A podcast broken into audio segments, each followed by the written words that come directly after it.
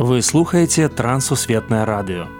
У эфіры праграма урокі гісторыі.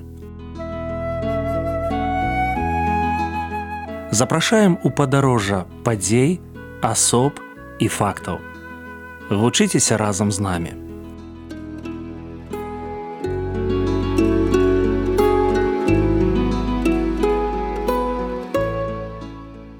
Добры дзень паважаныя сябры. Перад мікрафонам сяржук брышцель і кандыдат гістарычных навук Андрусь уночак. Сёння мы пагаворым пра музей беларускага кнігадрукавання.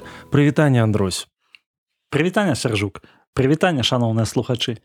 У 2020 годзе полацкі музей беларускага кнігадрукавання святкаваў сваё 30годдзе.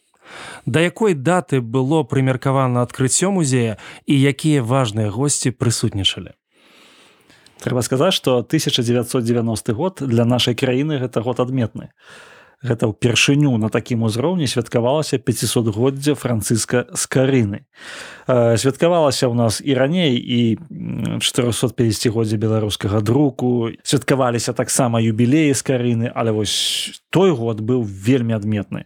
Ну па-першае выйшла біблія факсімільнае перавыданне бібліі францыска з карыны а па-другое адкрыўся вось гэты музей беларускае кнігадрукавання у полацку на радзіме францыска з карыны урачыстае адкрыццё адбылося 8 верасня 1990 году.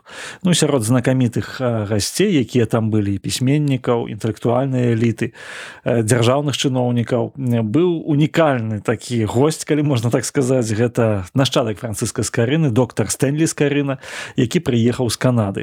Вось менавіта ён разам з тагачасным старшынёй дзяржаўнага камітэта пад руку анатолем бут Гутэвічам адкрываў шыльду здымаў вось гэтую заслону шыльды музея і урачыстае адкрыццё. Но адбылося вось з удзелам нашчадка францыска скарыны што само па сабе для нашай краіны было унікальнай падзеяй.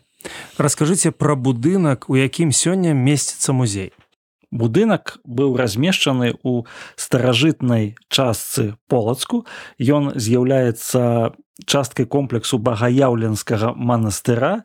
І канешне ён звязаны з кнігадрукаваннем. Андрусь якія экспазіцыйныя цікавосткі можна ўбачыць сярод экспанатаў музея? Ну у экспазіцыі увогуле больш за э, тысячу прадметаў так ці інакш гэтая экспазіцыя яна прадстаўлена вялікай колькасцю ад рукапісаў да сучаснага кнігадрукавання. Але найбольшае мне здаецца што цікавосткі гэта старажытныя друкі старажытна друкаваныя кнігі і прадметы звязаныя з перапісваннем кнігі у першую чаргу кнігі біблій Таму што ну напрыклад ефрасіня полская яна канешне безумоўна рабіла скрыпторый для перапісвання біблій і вось яе ёсць печатка свінцовая а еўфрасіні полацкай і таксама ёсць некалькі таких важных старадрукаў. У першую чаргу хочу сказаць что гэта італійская кніга 12 прамоў джералама феліці якая выйшла ў 1558 годзе. Ну і таксама вельмі цікавая рэч евангелля вучительская якое выйшла ў 1569 годзе ў заблудаве. Якім чынам музей папулярызуе беларускія кнігі і беларускую мову Ну, па-першае мы можемм сказаць што ў музеі ёсць вялікі фонд беларускіх кнігаў як даўніх так і сучасных. Па-другое у музеі ёсць такая рэч якая называется імпрэзамі прэзентацыяў розных выданняў у тым ліку сучасных паэтаў пісьменнікаў тых людзей якія шмат што зрабілі для беларускай кнігі для раскрыцця прыгажосці беларускае слова. І ў прынцыпе канешне музей заўсёды уключаецца ў скарынаўскія юбілеі. Калі святкуецца юбілей той ці іншы ці скарынаўскіх выданняў ці самого скарыны у музеі праходзіць шэраг культурных імпрэзаў круглых сталоў і музей таксама паказвае тое што зроблена не толькі ў полацку але і па ўсёй краіне і часам нават за яе межамі для пашырэння беларускае слова і беларускай мовы. Там мне здаецца вельмі шмат робіць. Як супраць супрацоўнікі музея спрабуюць прыцягнуць у свае сцены сучаснага наведвальніка О тут мне здаецца што увогуле музей беларускай кнігадрукавання ў полацку гэта адзін з лепшых музеяў беларусі менавіта па працы з наведнікамі. Яны спецыяльна зрабілі такі музейны хаб такі цэнтр дзе ёсць розныя актыўнасці магчымасць для розных актыўнасцяў з наведнікамі.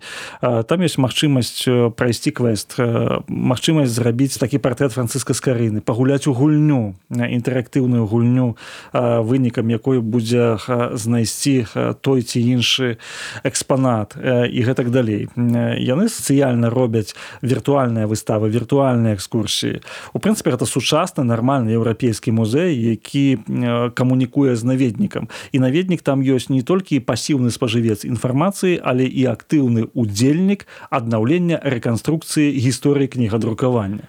Чаму музей беларускага кнігадрукавання называюць самым жывым з усіх музеяў ну вельмі мне падабаецца адна рэч у гэтым музеі.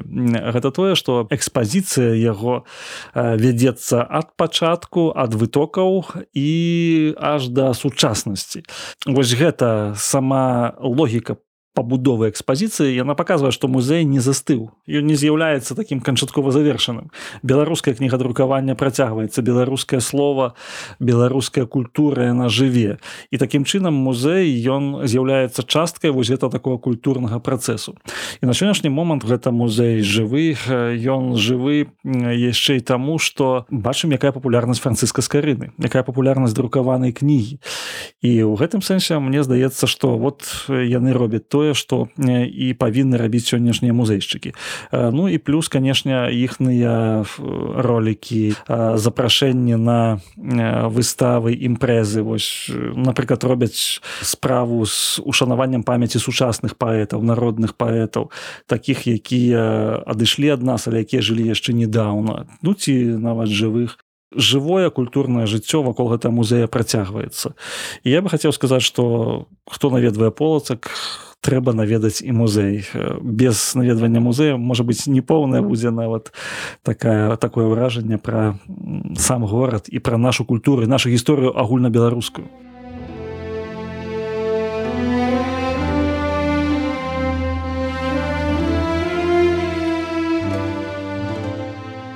ад полацка пачаўся свет гэта вядомыя словы рэгора барадуліна У нашых інтэрв'ю мы ўжо прыгадвалі сам горад калыску старажытнай культуры, а таксама яго знакамітых жыхароў і фрасіню полацкую і францыска скарыну.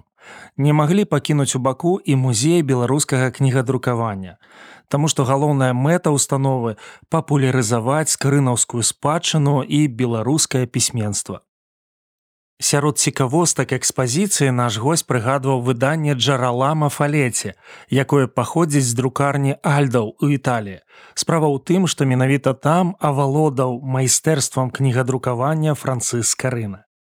Кожную экскурсію музейшчыкі завяршаюць аповядам пра скульптуру Паўла вайніцкага прысвячэння роднаму слову.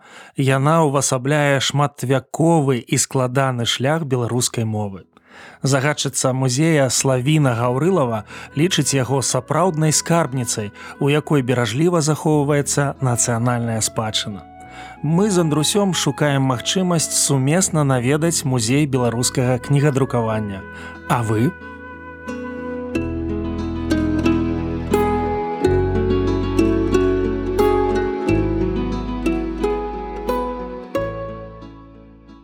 Дзякуй, што далучыліся да нашага праекту. Калі ў вас ёсць пытанні, пішыце калі ласка на адрас. Трансусветнае радыё, урокі гісторыі.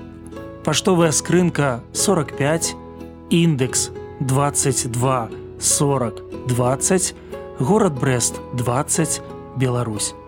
Пакідаю для сувязі электронную пошту rmtwr кропка бівай, собачка gmail.com Шукайце нас на сайте twr.fm. Да новых сустрэч!